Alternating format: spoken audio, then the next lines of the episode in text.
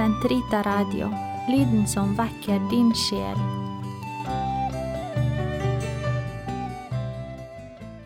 Min samiske bestemor Min første rottweiler het altså Roy. I rottweilerklubben kalte de ham bare Roy med kjeften, for han hadde underbitt og derfor ingen sjanse til å bli premiert på utstilling. For meg var det helt uinteressant. Det eneste som betydde noe, var hans gode, trofaste gemytt og en annen egenskap jeg med tiden skulle verdsette stadig høyere. Han var en trekkhund av Guds nåde. To år var han da han første gang ble spent for pulken. Det skulle ikke bli siste turen.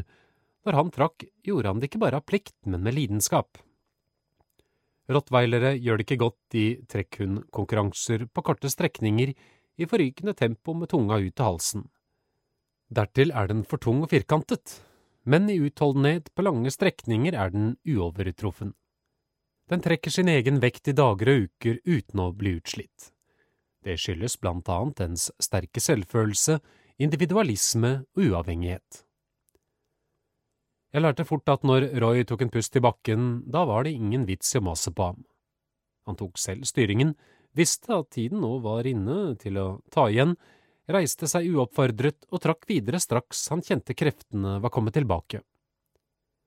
Bare slik kan jeg forklare Roys beundringsverdige utholdenhet, noe den er felles med alle veltrente rottweilere.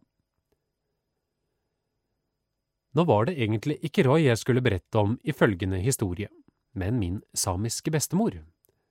Roy tjener her kun som en nødvendig betingelse for at tingene kunne skje som de gjorde.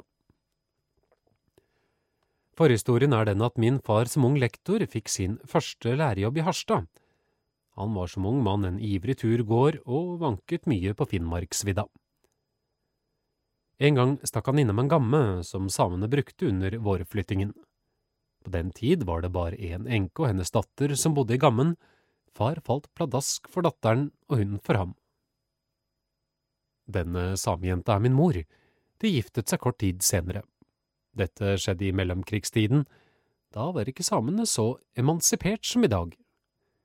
I store deler av befolkningen ble de sett ned på og av mange fryktet. De kunne jo, ifølge datidens fordommer, ganne ulykker på folk.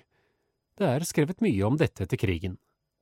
For å unngå skandale ble far og mor enige om å holde mors etniske identitet skjult. Mors avskjed med bestemor langt inne på vidda var vemodig.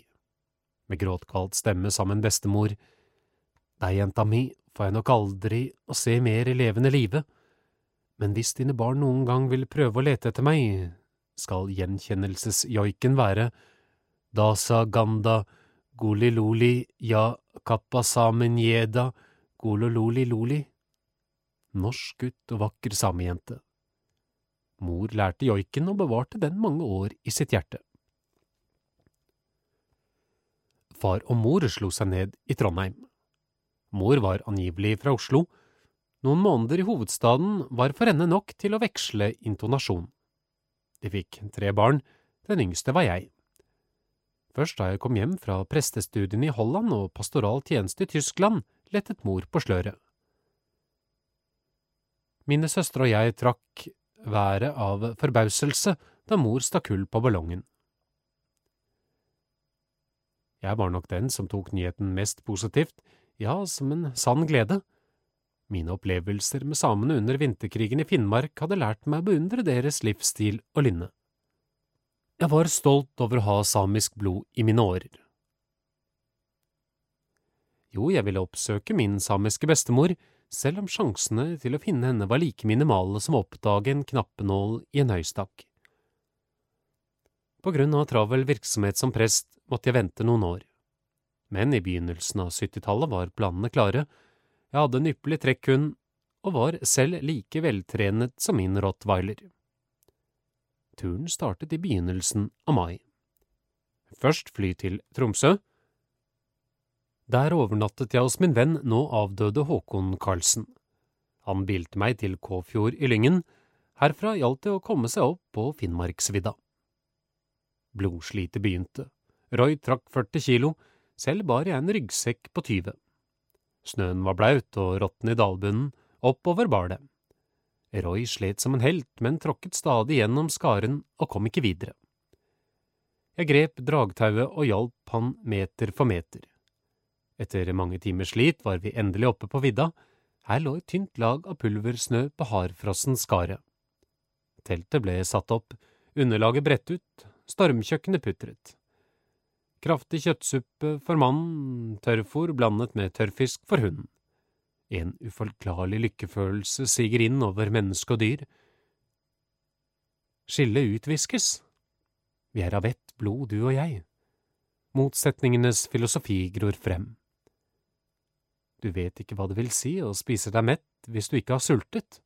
Du har ingen anelse om gleden ved å drikke hvis du ikke over lengre tid har tørstet.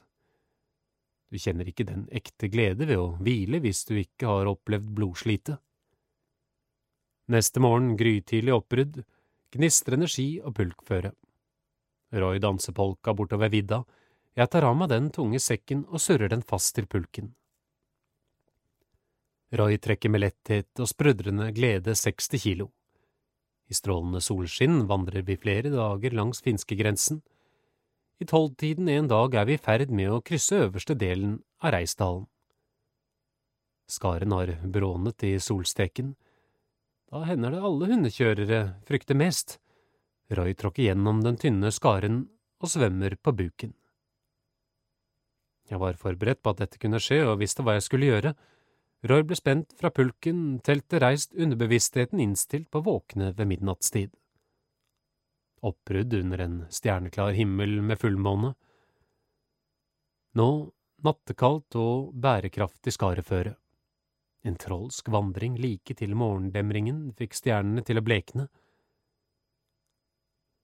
Jeg kommer frem til Guateluobal, en av fjellsamenes mellomstasjoner under vårflyttingen. De sa ikke så mye da jeg stakk innom gammene deres, men stirret forbauset på det store beistet av en hund som trakk alt utstyret mitt. Jeg fikk overnatte i et lite kott i en av gammene og sov hele dagen. Da kvelden kom, gikk jeg inn i oppholdsrommet.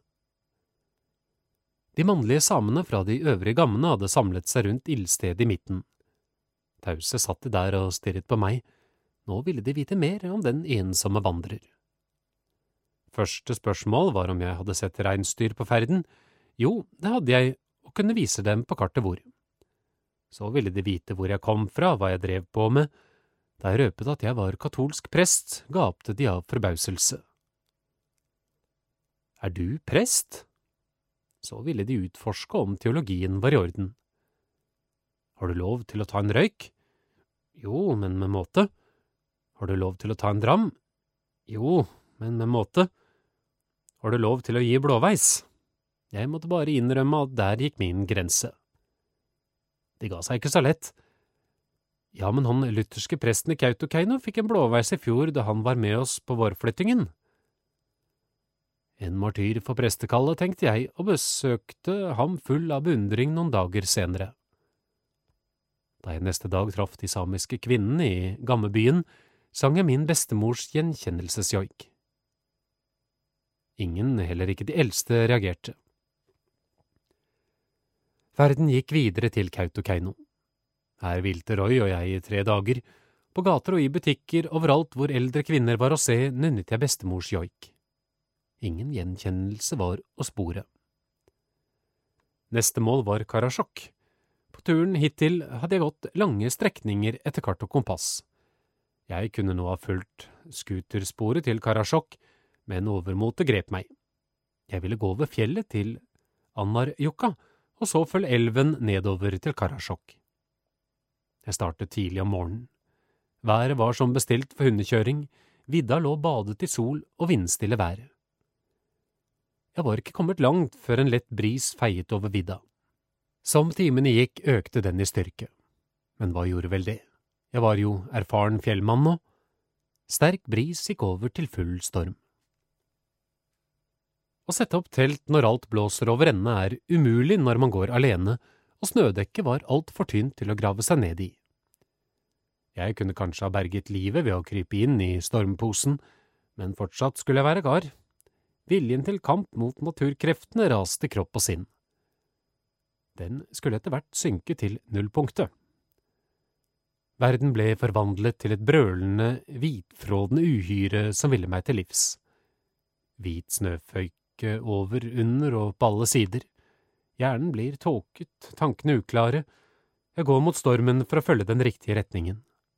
Jeg snur meg og skimter Roy tett bak meg. Intet dyr liker å gå mot været. Kropp og hode er dekket av snø, bare de brune øynene som lyser kampvillig i den snøhvite masken.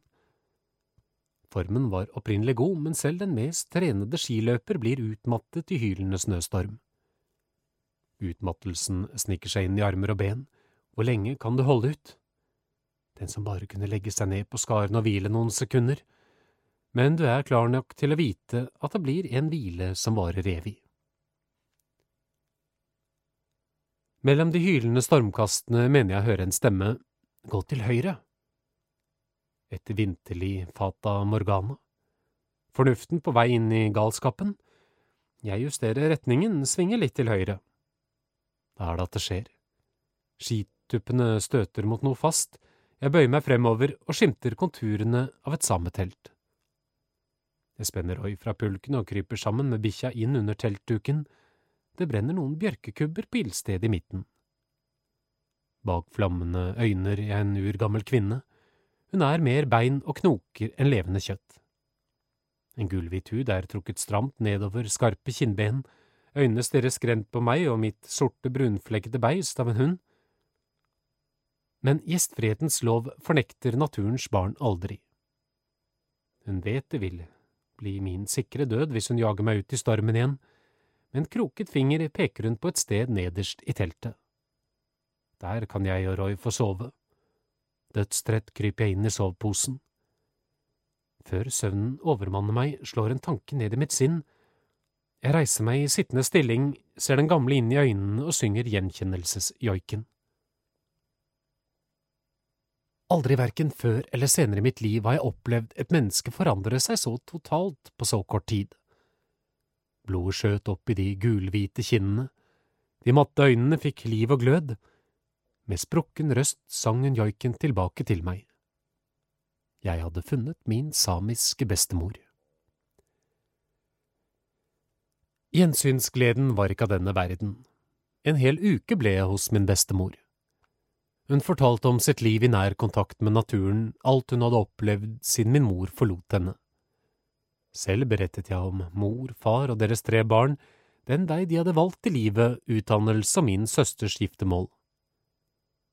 For meg personlig skulle dette møtet med min bestemor bli av stor betydning, det var som om brikkene falt på plass. Jeg kjente hvordan det samiske blodet pulserte i mine årer og var stolt av det. Ting som hadde skjedd i mitt liv og som skulle komme til å skje, fant sin naturlige forklaring i, la meg kalle det, viddas mystiske sang.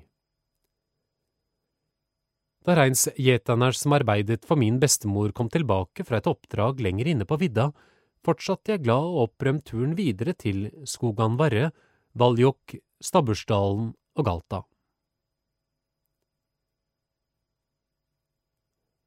Jeg har glemt mye av kasuistikkens mange snurrepiperier, men mener fortsatt å huske at det er lov å fortelle en skrøne hvis man, like etter at den er fortalt, avslører den. Min fortelling er i alt vesentlig sann, ja, faktisk i de fleste detaljer også, men den romantiske snutten om min samiske bestemor er nok et produkt av min livlige fantasi. Jeg har likevel tatt meg den frihet å holde leserne for narr noen minutter, fordi historien kunne ha vært sann, kanskje, men mest fordi samtalene med min samiske bestemor har hjulpet meg å holde stø kurs så mang en stormfull vinterdag, når sivilisasjons kunstige problemer trengte justering fra enkle, naturgitte grep. Jeg er blitt glad i min samiske bestemor. Fortellingen om henne er en honnør til Norges urbefolkning, som i hundrevis av år har levd i et tilnærmet matriarkat, for den mandige mannen har integrert i sitt lynne de beste sider ved kvinnen, og hvor den kvinnelige kvinne har tilegnet seg de beste sider ved mannen. Kanskje vi her finner svar på hvorfor samen aldri har ført krig mot andre folkeslag, Min samiske bestemor dør aldri i mitt sinn. Guds kall kjenner ingen grenser. Det var sommer og jeg brukte ferien til å vandre i Rondane en ukes tid. Min siste rottweiler, Pax, bar telt og øvrig utstyr kløv på begge sider. Ferien var snart over, men ennå hadde jeg noen dager fri og bestemte meg for å bile sørover til Østfold for å hilse på trosfeller der. Jeg overnattet hos en gjestfri sekularprest i Fredrikstad. Neste morgen vil jeg gå luftetur med Pax i den store parken like ved kirken. Jeg vandret under store trær med bikkja i bånd, så kom en flokk løshunder stormende mot oss. De så ikke ut til å ha noen ansvarsfull eier. Vel, kan de gå løs, da kan vel også Pax slippe båndtvangen, tenkte jeg og løsnet den fra kobbelet. Da var det at en løpsk tispe nærmet seg. Før jeg visste ordet av det, befant de to seg i en het omfavnelse. Når slikt skjer, er det bare én ting å gjøre – slappe av og vente tålmodig. Jeg satte meg på en benk like i nærheten av det elskende par og ventet. Da kom en dame gående tvers over parken og satte kursen mot meg. Det var Hanne som jeg kjente godt fra Trondheim. Hun satte seg på benken ved siden av meg og hadde tydeligvis noe på hjertet. Pater Olav, tror jeg har klosterkall? Jeg må bare innrømme at klosterkall var det siste jeg tenkte på i den situasjonen jeg befant meg. På den annen side syntes jeg det var feigt å skygge unna. Mitt hode virret fra Hanne til den amorøse Pax og fra det elskende par tilbake til Hanne. Jo, jeg trodde nok at hun hadde klosterkall, men det må du være klar over, sa jeg mekanisk, at i et kloster er det visse goder man må gi avkall på. Ikke før hadde jeg presset dette opplagte svaret ut av min munn, virret mitt varme hode tilbake til hundene som i givende stund slettes ikke følte dragning til klosterliv. Hanne er i dag nonne i et kontemplativt kloster, og det er med hennes tillatelse jeg skriver dette. Jeg vet ikke hvor mye akkurat denne samtalen i Fredrikstad park har bidratt til hennes kall til å leve et liv etter de hellige tre løfter, hvis så allikevel skulle være tilfellet, er det bare å si at Guds kall kjenner ingen menneskelige grenser. En rottweiler han, en hund, oss mannfolk imellom. Vi prester i beregnet. Mine over 20 års erfaring med rottweiler hannhunder har lært meg mye om oss mannfolk.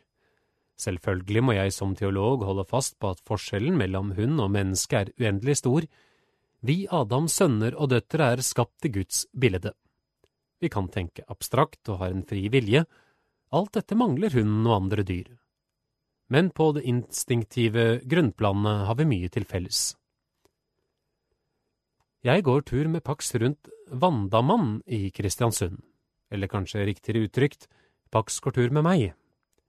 Når vi kommer til et bestemt tre, løfter Pax på det ene bakbenet. For ikke å bli vulgær låner vi nå noen ord fra søta bror på den andre siden av kjølen. Nå gjelder det for Pax at kasta vatn høgst på tredet.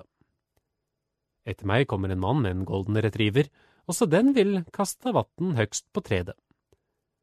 Men den når ikke så høyt som Pax, mindre som det nå en gang er. Den snuser misfornøyd på resultatet og fatter med alle sine instinkter at hvis den møter Pax face to face, gjelder kun én lov – underkastelse. Så kommer en dame med en liten, hvitkrøllet puddel. Den er også en hannhund, men småen er stormannsskall. Han snusser på treet, løfter så bakbenet så det nesten går av ledd. Men det gode forsøk til tross, den kaster vatten bare noen centimeter over rota. Men tror du ikke at den tosken allikevel innbiller seg å ha kastet vatten høyere enn selv min velvoksne rottweiler? Det hersker ingen tvil i min sjel. Den lille hvitkrøllede puddelen er stormannsskall. På dette grunnplanet har vi mannfolk mye til felles med hannhunder, enten vi nå befinner oss hjemme, på arbeidsplassen eller ute i selskapslivet. Røper vi denne trangen til at kasta vann høgst på tredet, og da helst når det svake kjønn er tilskuer. Etter at vi mennesker i hundretusener av år eh, hadde levd i trærne, vandret omkring på steppene, bodd i huler og gikk inn i det såkalte sivile liv, er at kasta vatn høgst på tredje-funksjonen blitt mindre synlig, mer kryptisk, hos psykopaten nesten usynlig, men effektiv til de tusen. Telegrammene som storkarene sender, blir mottatt og forstått nå som før. Du må ikke komme her og tro at du er noe til kær. Denne beskrivelsen av at kastavatn høgst på tredet-funksjonen gjelder også for oss prester, de protestantiske inklusiv. Hvis vi ikke bevisstgjør oss og motarbeider disse i dyreverdenen nødvendige, blant oss mannfolk i et sivilisert samfunn høyst unødvendige, ja, direkte forkastelige drifter for det katastrofale følger. Ikke minst blant oss geistlige. For å ta et eksempel. Ved alteret og på prekestolen er presten den suverene autoriteten, slik må det være. Men går han så etter messen ned i foreningslokalet og tar del i et menighetsrådsmøte, vel, så er han fortsatt en rottweiler hannhund, for det er han som leder møtet og har det avgjørende ansvar for beslutningene. Men straks han tar del i debatter om rent praktiske ting, er han kun en liten hvitkrøllet puddel som kaster vann nederst på tredet. For Nilsen, som sitter benket på den andre siden av bordet, vet mer om hvilke byggestener som bør brukes når kirken skal restaureres enn presten. Og Hansen, ved bordenden, vet som bankmann langt mer om pengeplasseringer enn presten. Og fru Pedersen, med sin pedagogiske utdannelse, har langt større kunnskap om måten religionsundervisningen blir gitt våre barn og ungdommer enn presten med all sin dogmatikk. I samtalens løp skal selvfølgelig også presten få si sin mening, men samtidig si seg villig til å endre standpunkt når fagmannen i all beskjedenhet sier ham imot. Den presten som i praktiske saker innrømmer at han kun er en hvitkrøllet liten puddel, utstråler gode vibrasjoner og skaper harmoni og fremgang i menighetslivet. Hvis han derimot lar seg dirigere av hannhundinstinktene, og i alle henseender vil kaste vann høgst på tredet, blir stemningen både i menighetsråd og menigheten for øvrig amper, ja, til tider forgiftet. Instinktene og disharmonien forråde. Kirken kan aldri bli et demokrati, for alle embets tjenester blir gitt fra oven. Men i alle beslutningsprosesser er det rikelig plass til demokratiske trekk. Som ivrig leser av Snorres konge og islandske ettersagaer er jeg rustet til å gi en alvorlig advarsel. La ikke at kasta vatn høgst på tredje-driften få friere tøyler i dag enn hos våre konger og høvdinger i vikingtiden. For her får vi erfare at store folkekjære ledere alltid rådførte seg med vise, erfarne menn i hirden om de skulle gå til slag eller søke fred, ja, også i andre avgjørende beslutninger.